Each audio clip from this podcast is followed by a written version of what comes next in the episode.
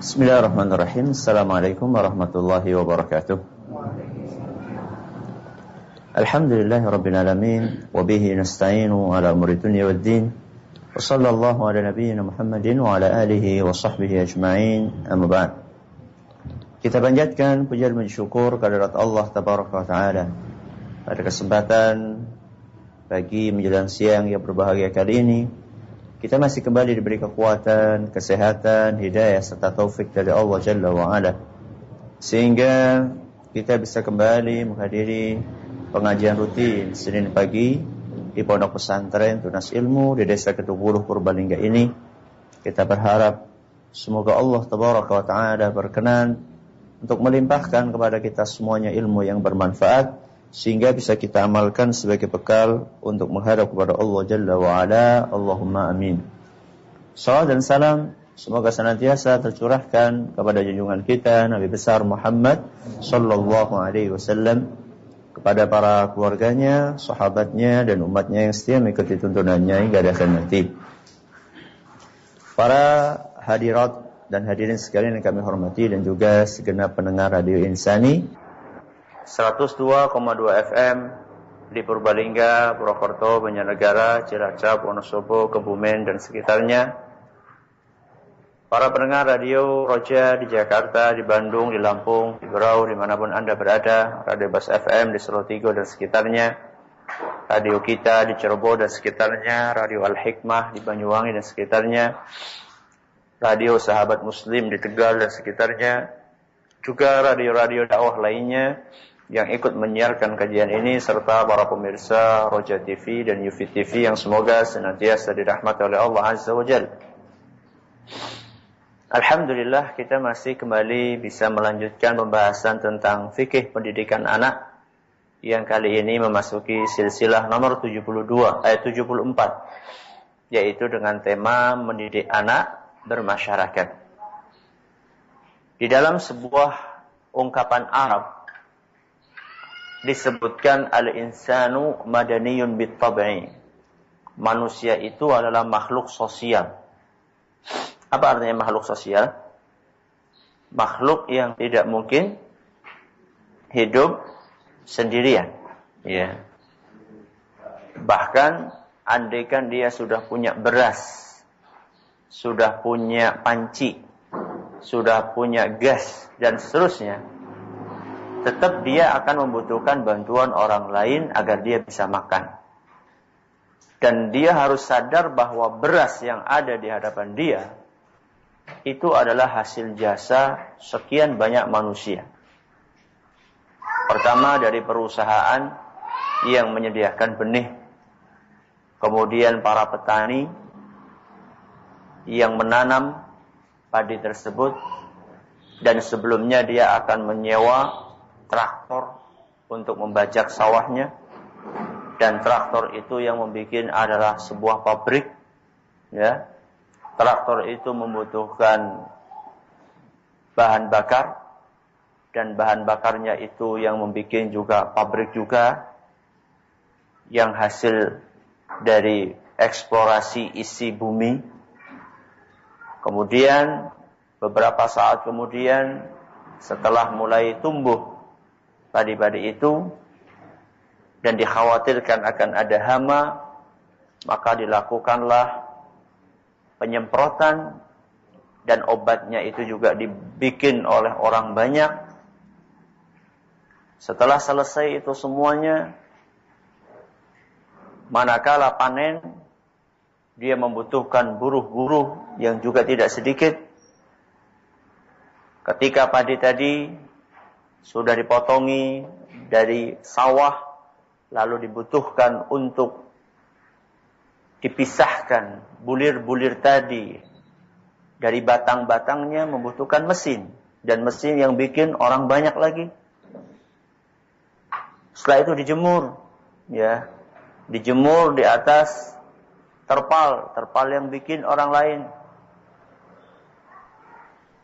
Sudah seperti itu kemudian nggak mungkin dalam bentuk gabah akan kita makan. Harus diapakan? Harus dimasukkan ke selepan padi. Di sana ada mesin yang bikin orang lain lagi. Apakah begitu sudah dipisahkan kulit padi dengan berasnya? Itu bisa langsung kita makan? Tidak. Butuh kita panaskan, butuh kita masak di atas panci. Panci yang bikin orang. Panci tanpa kompor nggak mungkin, kompor yang bikin orang. Kompor saja nggak ada gasnya juga nggak mungkin gas juga bantuan orang lain. Setelah nasi itu matang, apakah langsung bisa dimakan? Biasanya dari lauk. Lauk pengennya ayam, ayam dari peternak. Peternak juga butuh pakan-pakan dari pabrik. Bayangkan, hanya untuk makan saja satu piring nasi ditemani dengan lauk ayam itu sudah melibatkan berapa ratus manusia atau bahkan berapa ribu manusia. Itu kita baru bicara tentang makan. Belum kita bicara yang lainnya ketika kita punya kendaraan. Ketika kita punya alat elektronik. Ketika kita punya rumah. Ketika kita sakit membutuhkan pengobatan. Ini semuanya menunjukkan bahwa manusia ini tidak mungkin hidup sendirian. Makanya ada istilah manusia adalah makhluk sosial. Ya. Maka kurang tepat seandainya kita sebagai makhluk sosial membelenggu diri dengan tidak ada interaksi dengan orang lain walaupun dengan alasan menjaga diri dari pengaruh negatif yang ada di luar seandainya memang lingkungan sekitarnya masih bisa diperbaiki. Jadi bukan merupakan sebuah kearifan ketika kita selalu berada di dalam rumah terus nggak pernah bergaul sama orang lain. Dengan asumsi kekayaan yang kita miliki, jabatan yang kita punyai, dengan anggapan bahwa itu semuanya membuat kita tidak butuh dengan orang lain. Alasannya, oh saya kan punya channel di sana. Saya kenal dengan pejabat di sana. Saya kenal dengan orang penting di sana. Saya nggak terlalu butuh dengan orang-orang yang ada di sekeliling saya. Oh saya punya saudara jenderal. Saya punya saudara lagi, satunya bos perusahaan. Yang satunya di Jakarta, yang satunya di Surabaya, yang satunya di Makassar. Kalau ada kebakaran, siapa yang bantu? Jenderal itu? Anda telepon dulu jenderalnya dari Jakarta supaya datang ke sini, habis rumah Anda. Ya. Ketika rumah kebakaran, siapa yang pertama kali diminta tolong? Tetangga. Jadi jangan kita itu menjadi manusia yang egois. Yang tidak peduli dengan lingkungan kita. Bahwa setiap manusia itu membutuhkan bantuan orang lain. Mulai dari lingkungan yang terdekat. Kalau sekarang ya misalnya di dalam rumah ada bapak, ada ibu, ada saudara-saudara. Kemudian setelah itu agak keluar rumah, tangga teparo, tetangga-tetangga dekat. Ya. Lalu agak luas lagi satu RT, lebih luas lagi satu RW, lebih luas lagi satu desa, satu kelurahan, satu kecamatan. Kita membutuhkan mereka semuanya. Ya. Nah, kita sebagai manusia yang sudah dewasa ini membutuhkan bantuan orang lain. Begitu pula anak-anak kita. Anak-anak kita ini membutuhkan untuk berinteraksi dengan orang lain. Makanya tidak bijak Seandainya anak-anak kita ini selalu dikungkung di dalam rumahnya. Tidak boleh bertemu dengan orang lain. Dan ini kadang-kadang dilakukan oleh sebagian orang yang merasa dirinya ini kaya. Sedangkan orang-orang yang di sekelilingnya adalah orang-orang miskin. Anak-anak yang katanya kotor, tidak higienis. Ya, sehingga dia memasang atau membangun tembok rumah yang begitu tinggi nggak cukup nggak puas dengan tembok yang tinggi, di ujungnya itu dikasih beling-beling, masih kurang lagi ditambahi kawat, pakai duri-duri, masih kurang lagi tambahi setrum kawatnya itu. Ya. Di seluruh pojok-pojok rumah dikasih CCTV, pokoknya anak nggak boleh keluar sama sekali.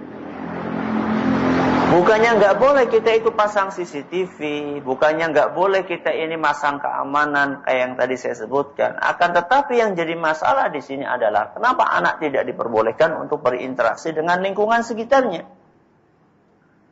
Kecuali kalau misalnya kita tahu persis dan ini akan kita bahas insya Allah pada pertemuan berikutnya bahwa lingkungan yang ada sekeliling anda itu rusak total, nggak mungkin ada yang bisa diperbaiki dan tidak ada orang yang baik itu lain masalah.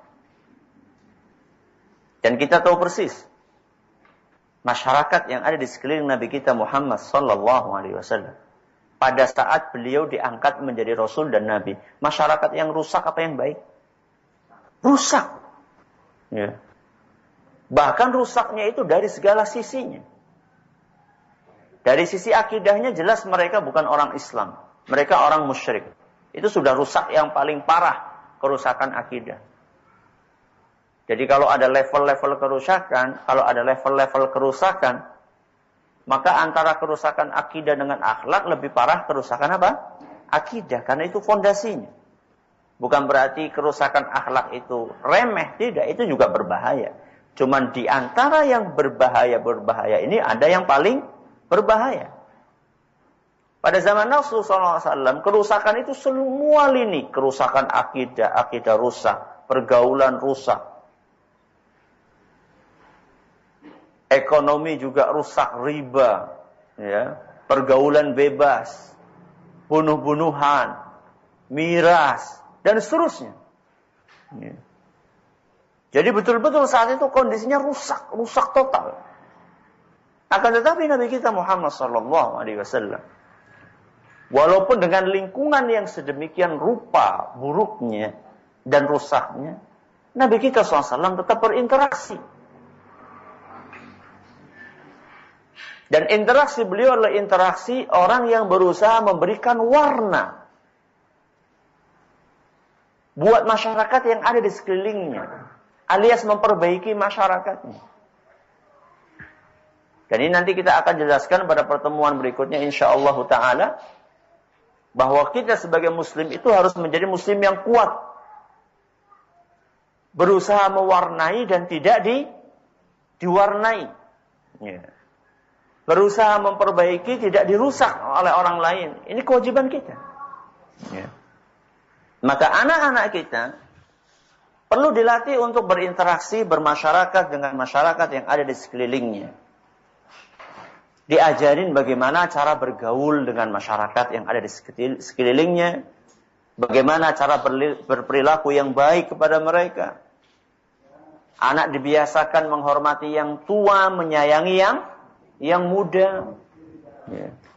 Alhamdulillah di dalam uh, kebiasaan atau kultur masyarakat kita, masyarakat Jawa, yang namanya menghormati yang tua itu sangat di sangat ditekankan. Apa yang disilakan dengan unggah, unggah ungguh. Bahkan dari sisi cara mengucapkan kalimat saja diatur. Ya, kalau orang anak muda kepada yang lebih tua maka pakai bahasa apa? Kromo. Nanti lebih tinggi lagi ada kromo inggil, ya. Itu luar biasa. Ya. Sopan santun. Nah, ini yang perlu kita tanam, tanamkan di dalam diri anak kita. Menghormati yang tua, kemudian juga menyayangi yang yang muda. Bahkan Rasulullah Wasallam dalam sebuah hadis beliau menjelaskan, "Laisa minna man la yarham saghirana wa la yuwaqqir syarafa kabirina. Bukan termasuk golongan kami, kata Nabi SAW. Tidak termasuk golongan kami orang-orang yang tidak menyayangi yang lebih muda serta menghormati yang lebih tua. Jadi ini perlu kita tanamkan di dalam diri anak kita Selain menghormati yang tua, menyayangi yang muda, juga kita mengajarkan kepada anak-anak kita bahwa orang-orang yang ada di sekeliling kita itu punya hak. Makanya di dalam Islam, hak itu berkelas-kelas, bertingkat-tingkat. Kalau kita punya tetangga, dia sudah tetangga, kemudian dia kerabat, juga muslim. Ya, sudah tetangga dekat, dia masih ada hubungan kerabat, kemudian dia masih muslim. Dia juga seorang muslim, maka dia punya tiga, tiga hak ya sekaligus. Hak sebagai tetangga, terus hak sebagai apa? Sebagai kerabat, lalu hak sebagai muslim. Double, double-double haknya. Ya. Lah kalau misalnya tetangga kita itu bukan kerabat Ustaz. Cuman dia muslim. Dia punya dua hak. Hak tetangga dan hak muslim. Kalau misalnya dia cuma tetangga saja Ustaz, dia bukan dia non muslim, dia punya hak sebagai tetangga. Nah, ini perlu kita jelaskan kepada anak-anak kita. Bahwa tetangga-tetangga yang ada sekitar kita punya hak. Bahkan kita perlu sampaikan kepada anak kita bahwa kita ini disuruh di dalam agama kita untuk berbuat baik bukan hanya kepada sesama manusia, bahkan kepada makhluk lain yang ada di muka bumi ini, seperti binatang, tumbuhan dan yang semisalnya. Maka Rasulullah Shallallahu Alaihi Wasallam pernah menyampaikan dalam sebuah hadis yang diriwayatkan oleh Imam Muslim. Kata Nabi Shallallahu Alaihi Wasallam, al Muslimu akhul Muslim. Muslim itu adalah saudara buat Muslim yang lainnya. Jadi kalau panjenengan mengatakan ke dulurku, dulur sekangen di dulur satu agama. Ini harus kita tanamkan di dalam jiwa anak kita. Pokoknya asal dia muslim itu saudara kita. Walaupun dia itu beda warna kulit dengan kita, dia beda nenek buyut atau kakek buyut dengan kita. Walaupun dia itu beda suku dengan kita, walaupun dia itu beda strata sosial dengan kita, kita ningrat dia rakyat biasa. Asal dia muslim, maka inilah ikatan yang terkuat. Maka Rasulullah SAW mengatakan, Al-Muslimu akhul Muslim. Muslim adalah saudara buat Muslim yang lainnya. Kemudian Nabi berpesan apa? La yadlimuhu. Tidak boleh seorang Muslim menzolimi atau berbuat zolim kepada Muslim yang lain wala zuluhu dan tidak boleh pula menterlantarkannya. Betapa banyak muslim menterlantarkan muslim yang lainnya. Masya Allah di rumah yang namanya makanan bisa sampai numpuk-numpuk bahkan kadang-kadang sampai basi-basi akan tetapi tetangganya secara tidak kita sadari atau kita sadari ternyata kelaparan. Nasallallahu alaihi Makanan sampai dibuang-buang ya. Saking banyaknya nggak habis. Ternyata di belakang rumah samping rumah ya depan rumah ternyata orang yang sudah berapa hari nggak bisa makan atau makan tanpa lauk. Tidak boleh kita menterlantarkan tetangga atau muslim yang lainnya. Wala dan juga tidak boleh menghinanya. Entah itu menghina karena oh dia ini orangnya lebih miskin, dia orangnya cuma tamakan maaf SD, atau dia mungkin fisiknya nggak terlalu istimewa, panjenengan cantik dia nggak cantik, panjenengan ganteng dia nggak ganteng, ya tidak boleh menghinanya. Kemudian setelah itu Nabi SAW mengatakan at-taqwa hahuna. Takwa itu ada di sini. Sambil beliau mengarahkan tangannya ke mana? Ke dadanya, ke hatinya. Tiga kali beliau mengatakan, takwa itu di sini, takwa itu di sini, takwa itu di sini. Sambil beliau menunjuk ke mana? Ke dadanya. Ya. Maksudnya apa? Maksudnya sumber ketakwaan itu ada di mana?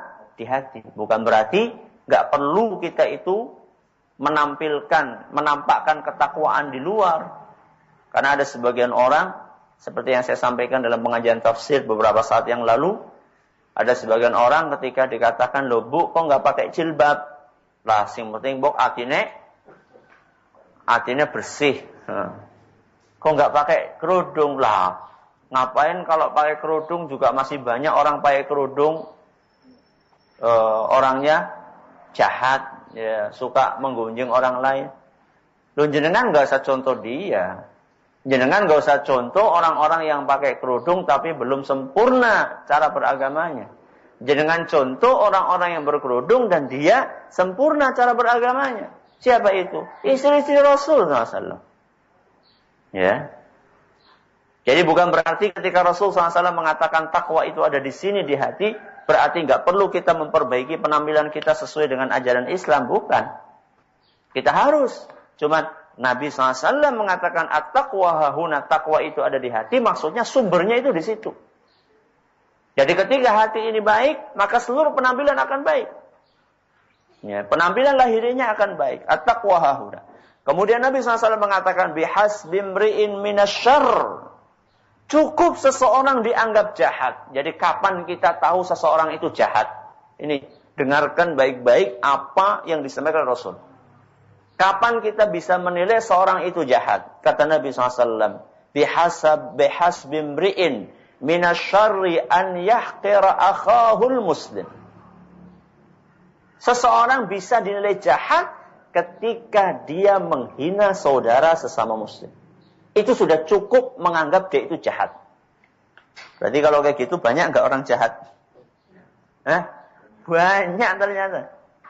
Jadi sekedar menghina sesama muslim itu sudah jahat kata Nabi SAW. Kenapa? Karena kata beliau kullul muslimi alal muslimi haramun damuhu wa maluhu wa irduhu. Hartanya seorang muslim, nyawanya seorang muslim, dan kehormatannya seorang muslim itu haram atas muslim yang lainnya. Haram di sini maksudnya tidak boleh di tidak boleh diganggu, tidak boleh dirusak. Ya, nggak boleh ngambil hartanya orang lain, entah itu tanahnya orang lain. Ya, kadang-kadang biasa ada sebagian orang, ya, dia punya tanah, punya patok, kemudian dia geser-geser, Ya, malam-malam dia geser. Enggak apa-apa Ustaz, anu cuma satu apa? Cuma satu jengkal kok, kur sekilan tok kok. Nauzubillah min dalik, nanti hari kiamat disuruh mikul. Ya, disuruh memikul tanah satu satu jengkal tadi. Wow, ya enteng. Nanti dulu ya, satu jengkal itu diapakan? ditarik ke bawah. Satu jengkal itu ditarik ke bawah sampai tujuh lapis bumi. Itu satu jengkalnya. Jadi satu jengkal itu bukan satu jengkal segini terus diambil satu kepelan, bukan. Tapi satu jengkal terus ditarik garis lurus ke bawah sampai tujuh lapis bumi. Itu nanti disuruh mikul nanti pada hari kiamat. Apa enggak ambruk, patah-patah itu pundaknya. Itu padahal yang nyerobot satu jengkal. Lah yang nyerobot satu meter. Yang nyerobot satu apa lagi? Nah, satu ubin. Nah. Yang nyerobot beberapa hektar. Ya.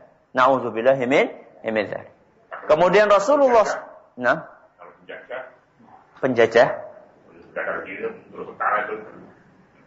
kan mampu Oh iya, termasuk ya, termasuk penjajah. Ya, penjajah itu bahkan mencaplok satu negara. Alhamdulillah min lebih parah itu. Ya, lebih lebih parah. Kemudian Nabi SAW juga bersabda dalam hadis riwayat Bukhari dan Muslim, "La yu'minu ahadukum hatta yuhibba li akhihi ma yuhibbu li nafsi." Kalian tidak akan dianggap beriman kecuali setelah kalian mencintai saudara kalian sebagaimana kalian mencintai diri kalian sendiri. Mencintai kebaikan untuk saudara Anda sebagaimana Anda mencintai kebaikan itu untuk diri Anda sendiri. Hadis riwayat Bukhari Muslim. Ini juga cara kita berinteraksi dengan tetangga kita. Jadi kalau Anda senang dibaiki sama orang lain, maka berbuat baiklah sama orang lain. Itulah ajaran Islam. Kalau Anda tidak suka disakiti sama orang lain, maka jangan menyakiti orang lain. Maka inilah yang seharusnya kita biasakan kepada anak-anak kita. jadi anak-anak kita ini biasa dibiasakan untuk bisa membawa diri di masyarakatnya. Kemudian juga dia juga harus tahu bahwa dia selain punya kewajiban berbakti kepada kedua orang tuanya, dia juga punya kewajiban untuk bersikap baik dengan saudara-saudaranya. Ya, kakak, kakaknya, adiknya, pak D-nya, budenya, pak Leknya, buleknya. Biasakan ketika ada yang sakit, terutama dari tetangga atau kerabat-kerabatnya, diajak, ya diajarin, ini saudara kamu lagi sakit, kita ini punya tanggung jawab moral untuk membantu, untuk menjenguk. Biasakan dari kecil anak-anak tersebut. Ya. Selain itu juga diajak dia untuk berbuat baik sama teman-temannya. Ya. Dia punya teman-teman, punya lebihan makanan di rumah atau punya baju yang mungkin banyak di rumah. Biasakan untuk berbagi sama orang lain. Ya. Jadi kalau misalnya kita ngelihat anak kita lagi makan misalnya, lagi makan, jajan. Kemudian ada tetangga anak-anak tetangga yang pada duduk sama dia, lalu nggak dibagi sama anak kita, ingatkan. Ini kadang-kadang sebagian orang tua itu kayak apa ya? Cuek, ya, cuek apa? Cuek bebek. Ya. Jadi ada sebagian orang tua itu nggak peduli sama sekali, nggak punya perasaan. Bagaimana coba anda ketika ada orang makan di depan anda enak sekali, anda cuma nonton saja, gimana rasanya? Ya, nggak enak. Nah kadang-kadang kita ini nggak sadar kalau anak-anak kita melakukan hal yang serupa. Dia makan jajan di depan teman-temannya, ya. Kemudian nggak kepikir untuk membagi kepada teman-temannya. Ya kalau anak-anak kecil mungkin masih wajar karena dia mungkin belum tahu. Nah kita yang sudah tua ini, yang sudah dewasa ini seharusnya mengajarkan kepada anak kita supaya peduli. Kita katakan, ayo, itu temannya sudah dibagi apa belum? Ada sebagian anak, oh nanti kan tinggal dikit. Ini kewajibannya, kewajibannya siapa? Kewajibannya orang tua untuk menyadarkan. Coba kalau misalnya teman kamu makan, makan jajan, kemudian kamu nggak dikasih gimana rasanya? Ini kewajiban orang tua untuk menanamkan hal ini kepada anak-anaknya. Iya. Dari hal-hal yang kelihatannya sepele tapi subhanallah itu membangun kepedulian anak kepada tetangga-tetangganya. Ya. Kemudian kalau ketemu salam, ada kan haknya sesama muslim. Nah, hakul muslimi al muslimi situn. Haknya sesama muslim itu ada berapa? Ada enam. Yang pertama kata Nabi SAW, Iza laqiyahu fasallim alaih. Kalau ketemu hendaklah ucapkan salam. Dibiasakan anak-anak kalau ketemu sama tetangganya salam. Begitu pula ketika akan bertamu ke rumah tetangga atau ketika anak tetangga akan masuk ke rumah kita diingatkan.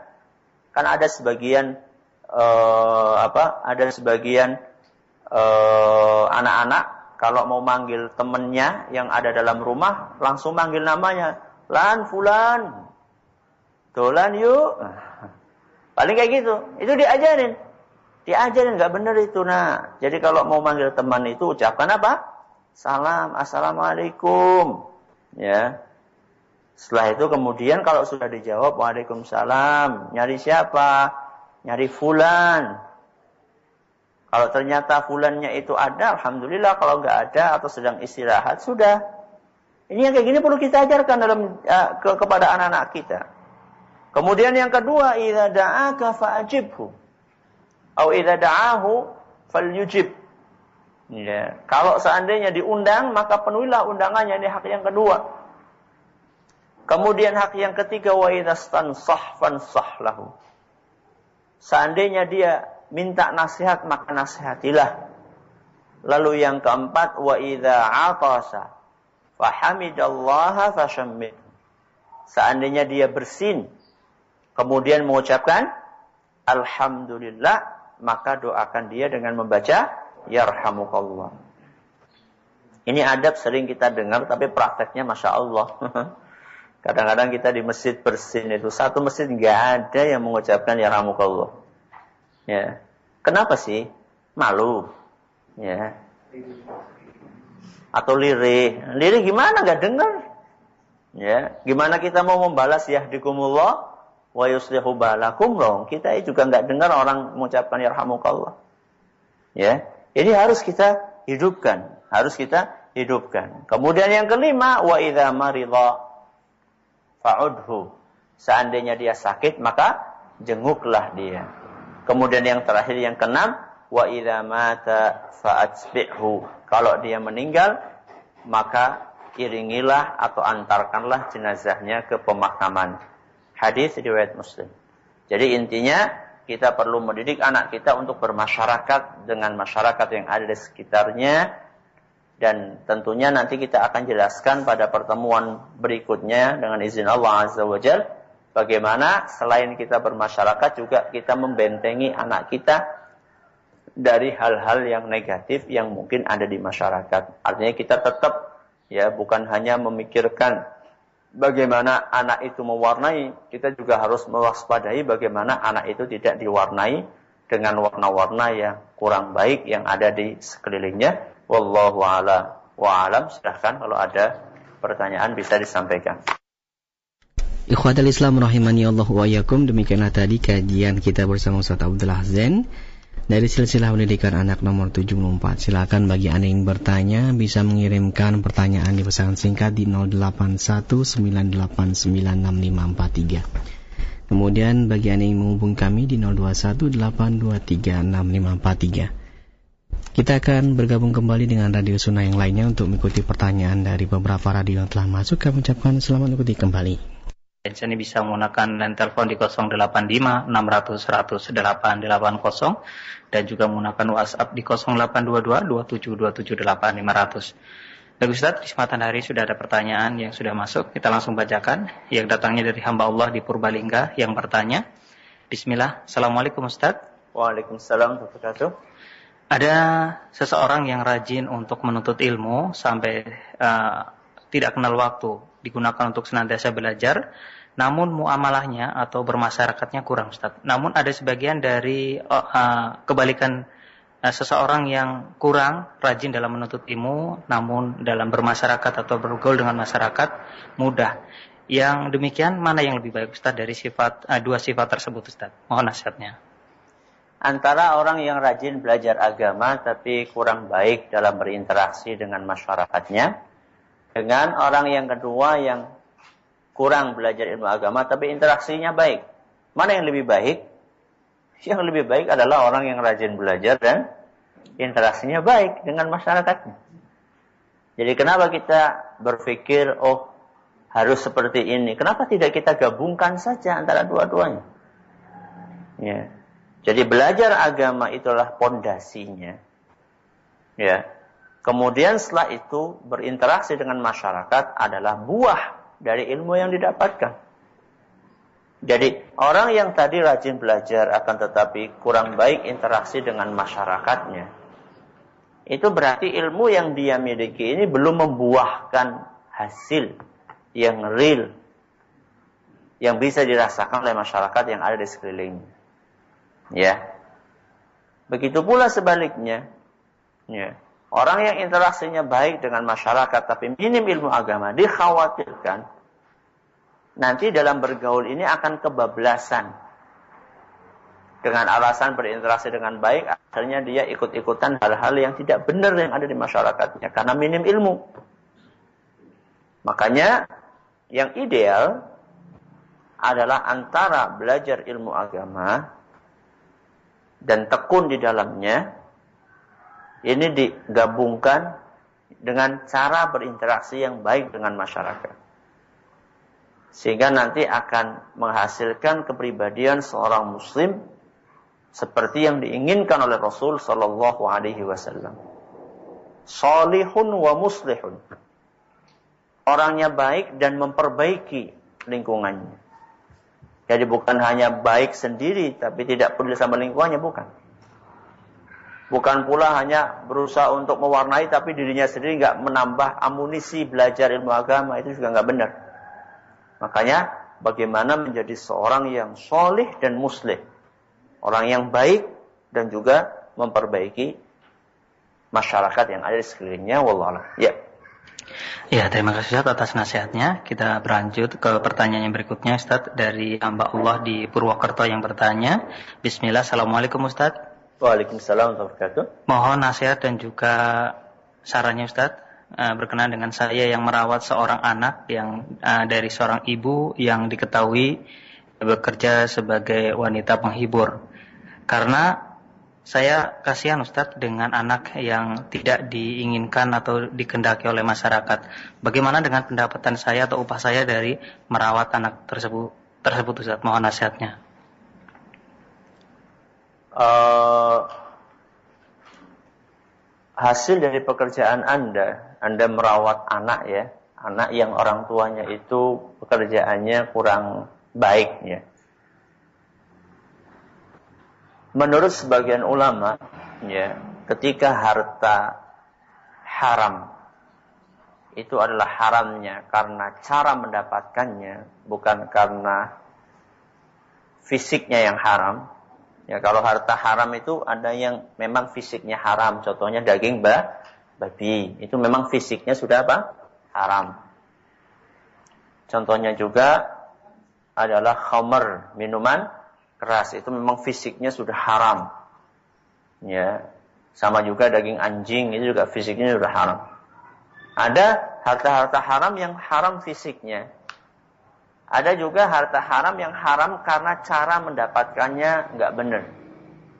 Adapun hartanya sendiri itu halal. Misalnya duit. Duit itu kan boleh dipakai. Cuman ketika cara mendapatkannya salah, akhirnya duitnya jadi haram. Ini namanya haram gara-gara cara mendapatkannya. Nah, apa yang Anda tanyakan itu, wanita yang tadi orang tua dari anak tadi, adalah bekerja sebagai penghibur, dalam tanda kutip, maka ini hartanya haramnya karena cara mendapatkannya tidak baik. Para ulama kita mengatakan sebagian dari mereka harta itu haram buat yang mencari dengan cara yang tidak baik tadi.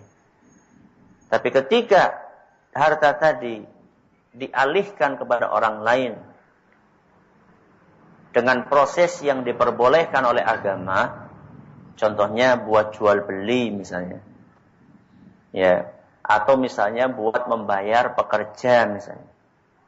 Dan pekerjaannya halal kayak tadi babysitter mendidik anak itu kan halal pekerjaan.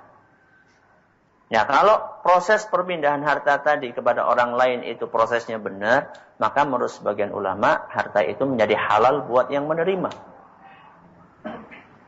Maka dalam kondisi ini wallahu alam bisawab apa yang Anda dapatkan insyaallah mudah-mudahan halal tapi pun demikian, Anda sebagai seorang muslim punya kewajiban untuk peduli dengan muslim yang lain yang melakukan perbuatan tidak baik tadi. Maka Anda punya kewajiban untuk menyampaikan nasihat kepada ibu dari anak tadi. Tentunya dengan cara yang baik, dengan cara yang bijak, mungkin juga dakwah bilhal dengan akhlak yang baik sambil didoakan mudah-mudahan dia dibuka hatinya oleh Allah Azza wa Jalla. Wallahu a'lam bishawab. Iya, terima kasih Ustaz atas nasihatnya. Eh, di kesempatan hari ini kita beri kesempatan kepada para pendengar dan juga pemirsa Roja di Cilangsi. Silakan. Na'am barakallahu fiik wa jazakallahu khairan. Terima kasih Ustaz. Pertanyaan dari pendengar dan pemirsa TV Roja. Assalamualaikum, bagaimana sikap kita jika ada tetangga membenci sama keluarga kita.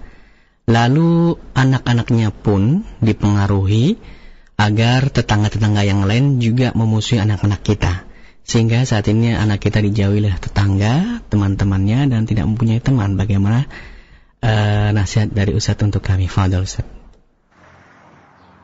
Pertama perlu dicari tahu kenapa tetangga-tetangga tersebut membenci Anda apakah karena memang Anda bersalah kepada mereka atau karena Anda memiliki prinsip yang berbeda dengan prinsip mereka dan prinsip yang Anda anut adalah prinsip yang sesuai dengan kitab dan sunnah.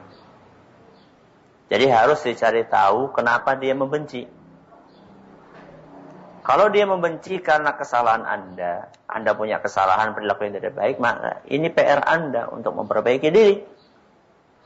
Ya, tapi kalau misalnya ya Anda dijauhi oleh teman atau oleh tetangga dan tidak disukai oleh tetangga karena Anda punya prinsip akidah yang benar.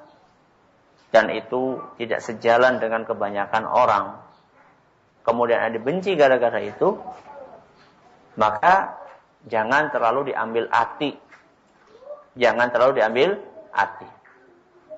Tapi berusahalah Anda untuk berinteraksi dengan baik kepada tetangga-tetangga tersebut. Balaslah keburukan dengan apa? Dengan kebaikan. Idfa billati hiya ahsanus sayyi'ah. Balaslah keburukan dengan kebaikan. Jadi kalau dia membenci kita, kita berusaha untuk berbuat baik sama dia. Salam. Kalau ada rezeki bagi sama mereka. Ya, mereka butuh bantuan, kita bantu lama-lama hatinya akan terbuka insya Allah. Cuma butuh waktu aja. Butuh waktu, butuh pengorbanan perasaan. Karena saat itu ego, ego itu akan main. Jadi ketika kita disakiti kemudian kita membalas dengan kebaikan, setan itu akan main di situ. Mau-maunya kamu ya, mau-maunya kamu membalas. Dia akan jahat. Masa kamu nggak jahatin dia? Kalau gitu kamu tuh kelihatan lemah. Jangan mau kamu tuh ditindas, diinjak-injak, lah dan seterusnya lah. Itu adalah bisikan-bisikan apa? Bisikan-bisikan setan. Tapi yang benar adalah balaslah keburukan dengan kebaikan sambil didoakan agar hatinya dibuka oleh Allah Subhanahu wa taala. Ya, silakan. Nah, Ustaz Barakallahu Fik dan pertanyaan berikutnya kami akan bacakan kembali masih dari pesan singkat. Ustadz mau bertanya bagaimana yang harus dilakukan jika anak yang diberitahu hal-hal yang tidak baik mengenai tindakan kepada orang tua atau orang yang lebih uh, uh, dewasa darinya atau tentang hukum muhrim dan bukan muhrim dia tidak tetap tidak mau menuruti bagaimana solusi dan caranya untuk memberikan nasihat kepada anak tersebut. Uh, mungkin kalau menurut saya mungkin bukan tidak nurut tapi dia ini butuh waktu untuk paham dan menerima dan berapa kali saya kejadian sama anak, ya. Ketika saya katakan A misalnya, anak itu nggak mau. Tapi ternyata dia ini diam-diam dia apa? Diam-diam dia mencerna. Sehingga di kesempatan yang lain ketika kondisi psikologinya sedang stabil, dia mereview, dia mengulang lagi apa yang pernah kita sampaikan sama dia. Walaupun mungkin awalnya sifatnya pertanyaan.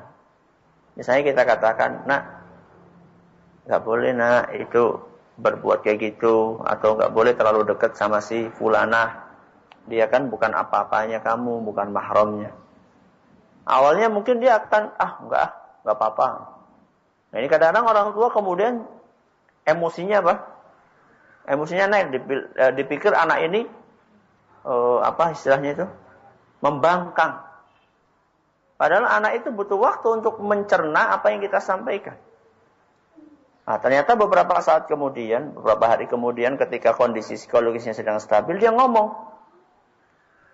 Abi kenapa sih kok uh, nggak boleh kita dekat-dekat sama si fulana? Nah, saat itulah kemudian Anda bisa lebih menjelaskan lebih detail lagi. Maka jadi kalau menurut saya bukan masalah dia itu nggak menerima, tapi mungkin butuh waktu saja. Ya. Dan kita ini sebagai orang tua memang perlu pinter-pinter mencari cara untuk menyampaikan sesuatu kepada anak-anak kita. Ya. Jadi kalau misalnya pakai cara A ini belum berhasil, maka kita pakai cara B. Contoh misalnya, mengasah keberanian anak. Kalau kita nggak belum berhasil dengan kata-kata, mungkin kita bisa belikan buku tentang masalah itu supaya dibaca sama anak kita. Kalau ternyata belum berhasil juga, mungkin kita bisa tontonkan video uh, inspiratif ya, yang Islami tentunya tentang keberanian, ya. Nah ini ini yang kita berusaha untuk uh, pinter-pinter cari jalan. Ya. Jadi jangan gampang menyerah. Sudah kayak gini nggak berhasil sudah berarti anak saya memang sulit. Enggak. Ya, anda yang kurang kreatif saja. Wallahu Ya. Ya, terima kasih Ustaz atas nasihatnya. Di kesempatan hari ini kita beri kesempatan kepada pendengar radio Bas FM Salatiga. Silakan. Baik, terima kasih atas kesempatan waktunya dan untuk uh, pertanyaan pertama Ustaz ini dari uh, Mas Ali yang ada di Jepara melalui telepon. Silakan Mas Ali. Iya. Assalamualaikum Ustaz. Waalaikumsalam warahmatullahi wabarakatuh. Saya mau tanya nih tentang tanah-tanah tadi Ustaz ya. Halo. Ya silakan Mas Ali. Ya. Nah, ini dulu suatu ketika Ustadz, saya pernah mengukur tanah. Tanah itu asal mulanya satu bagian dibagi menjadi orang, dua orang. Nah, untuk yang bagian yang satu itu telah dijual ke orang lain itu ternyata saya telusur itu teman saya sendiri dan ketika sama-sama pada waktu itu sama-sama tidak mengetahui batas yang pasti Ustaz. Bahkan lurah pun tidak mengetahui batas yang pasti mana yang dijual karena batas-batasnya sudah hilang. Tetapi berdasarkan kesepakatan kedua belah pihak dari pihak saya maupun yang teman saya yang membeli itu sama-sama yang tidak tahu apa ukurannya itu akhirnya dipanggilkan petugas ukur tapi tidak melalui kantor. Karena kalau kantor karena memakan biaya dan waktu yang terlalu lama akhirnya lurah dan teman saya dan saya itu mem, apa ada kesepakatan diukurkan tetapi tidak melalui kantor melalui orang yang orang yang apa yang ahli dalam bidangnya petugas ukur itu. Nah di apa batas tanah itu ada dua batas Ustadz. Yang saya yang saya, saya bingung itu ada batas tanah dua. Nah sampai saat ini saya khawatir apakah saya keliru untuk memutuskan apa yang satu kalau yang satu sehingga merugikan apa teman saya itu sendiri tapi kalau yang satu merugikan saya saya tidak tahu karena ada dua batas.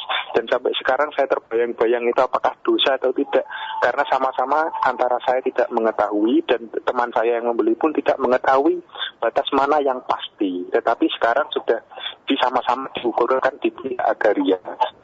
Nah itu gimana Ustaz karena kebimbangan saya dan ketidaktahuan saya karena dua orang yang sama-sama membeli itu saya dan pihak teman saya itu tidak tahu asal mulanya batas di, di mana tidak tahu karena tanah itu berada di pinggir pantai dan hilang batasnya karena tertelan apa pasir atau ter, tertutup pasir atau itu, itu, itu Ustaz. Terima kasih. Mohon maaf. Assalamualaikum warahmatullahi wabarakatuh. Waalaikumsalam. Ustaz. Pertama, tadi yang saya pahami Anda awalnya diukur sendiri, nggak pakai pihak agraria, sekarang sudah diukur dengan pihak agraria. Kalau memang seperti itu tinggal dicocokkan saja. Apakah ukuran yang pertama dahulu yang tanpa pengukuran resmi itu sama dengan sekarang atau tidak? Kalau ternyata sama, Alhamdulillah. Berarti masalahnya tidak ada insya Allah. Tapi kalau ternyata berbeda, antara apa yang diukur oleh pihak uh, swasta dalam tanda kutip ya dengan pihak agraria maka yang dijadikan sebagai patokan adalah ukuran yang ada dari pihak agraria kalau memang itu sesuai dengan realita yang ada. Maka kalau misalnya ternyata berbeda, maka harus diperbaiki termasuk juga jual belinya yang dahulu. Ketika dia membeli tanah dan tidak ada yang tidak yang tidak tahu batasnya, ini berbahaya Ya, iya kalau Anda yang dizolimi atau Anda yang dirugikan. Kalau yang dirugikan orang lain gimana? Ya, jadi kalau kalau seorang muslim itu dia akan lebih memilih ya dalam tanda kutip ya dirugikan daripada merugikan orang lain, dizolimi daripada menzolimi orang lain. Ya. Karena kalau ketika seorang dirugikan lebih dizolimi, dia ini uh, dia punya banyak keistimewaan doanya dikabulkan sama Allah Subhanahu wa taala, dosanya bisa dikurangi, pahalanya bisa bertambah. Berbeda ketika dia sebagai pihak yang menzalimi, merugikan orang lain. Ya. Kalau dia di pihak yang merugikan, menzalimi orang lain itu masya Allah repotnya luar biasa di dunia dan di di akhirat. Maka uh, supaya was-was itu hilang, ya anda cocokkan antara hasil pengukuran dari pihak yang resmi, ya kalau memang berbeda ya ikuti yang resmi tadi dan kalau itu berimbas kepada uh, ukuran tanah yang dijual belikan oleh teman atau oleh Anda sendiri kepada orang lain itu maka sesuaikanlah ya jangan sampai merugikan orang lain. Wallahu Ya. Ya, silakan untuk pendengar uh, Radio Bas untuk bisa kembali mengajukan pertanyaannya. Ya, baik uh, kita beralih ke pendengar Radio Insani yang di kesempatan hari ini sudah mengajukan pertanyaan. Uh, pertanyaan datangnya dari Umu Fitri di Purbalingga yang bertanya. Bismillah, Assalamualaikum Ustaz. Waalaikumsalam warahmatullahi Mohon nasihatnya bagaimana bagaimana kalau anak kita bergaul dengan anak tetangga yang tidak mau sekolah, tidak mau mengaji dan juga cenderung nakal benarkah kita harus melatih anak untuk memilih teman-teman yang baik dari Umu Fitri di Purbalingga? Mau nasihat Ustaz? Iya. Untuk saudari Umu Fitri yang ada di Purbalingga, tentu. Jadi ketika kita mengajarkan interaksi anak dengan tetangga, itu kita juga harus memberikan rambu-rambu kepada anak kita mana teman yang layak dijadikan sebagai teman, mana yang tidak. Itu harus. Rasulullah SAW juga menjelaskan hal itu ketika beliau memberikan perumpamaan tentang teman yang baik dengan teman yang tidak baik. Ya. Teman yang baik seperti penjual minyak wangi dan teman yang tidak baik seperti tukang pandai besi. Ya. Seperti pandai besi. Yang pandai besi ini kalau kita dekat-dekat maka baju kita bisa kebakar atau minimal baunya jadi bau sangit, ya, jadi bau asap kalau penyuruh minyak wangi, kita dekat-dekat syukur-syukur kita dikasih minyak wanginya. Atau minimal kita keluar dari situ bau wangi. Ya. Jadi ini dari Rasulullah SAW memberikan sinyal kepada kita bahwa kita ini harus milih teman. Ya. Dan ini juga perlu kita sadarkan kepada anak kita.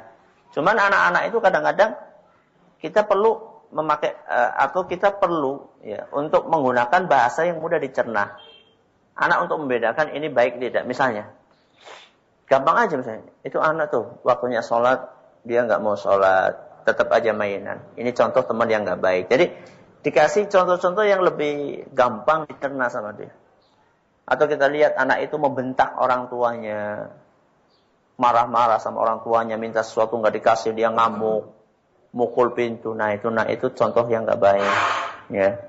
Atau misalnya kita ngelihat ada teman tetangga itu uh, ada nenek-nenek bawa barang berat terus tahu-tahu langsung berinisiatif bawa dan kelihatan sama kita tuh nak. Nah, itu tuh tuh teman yang kayak gitu baik tuh. Ya. Jadi kita ini perlu memberikan penyadaran kepada anak kita memberikan rambu-rambu ini baik, ini tidak. Ini perlu dijadikan teman, ini tidak. Itu harus harus dicontohkan kepada anak-anak kita. Wallahu a'lam Ya.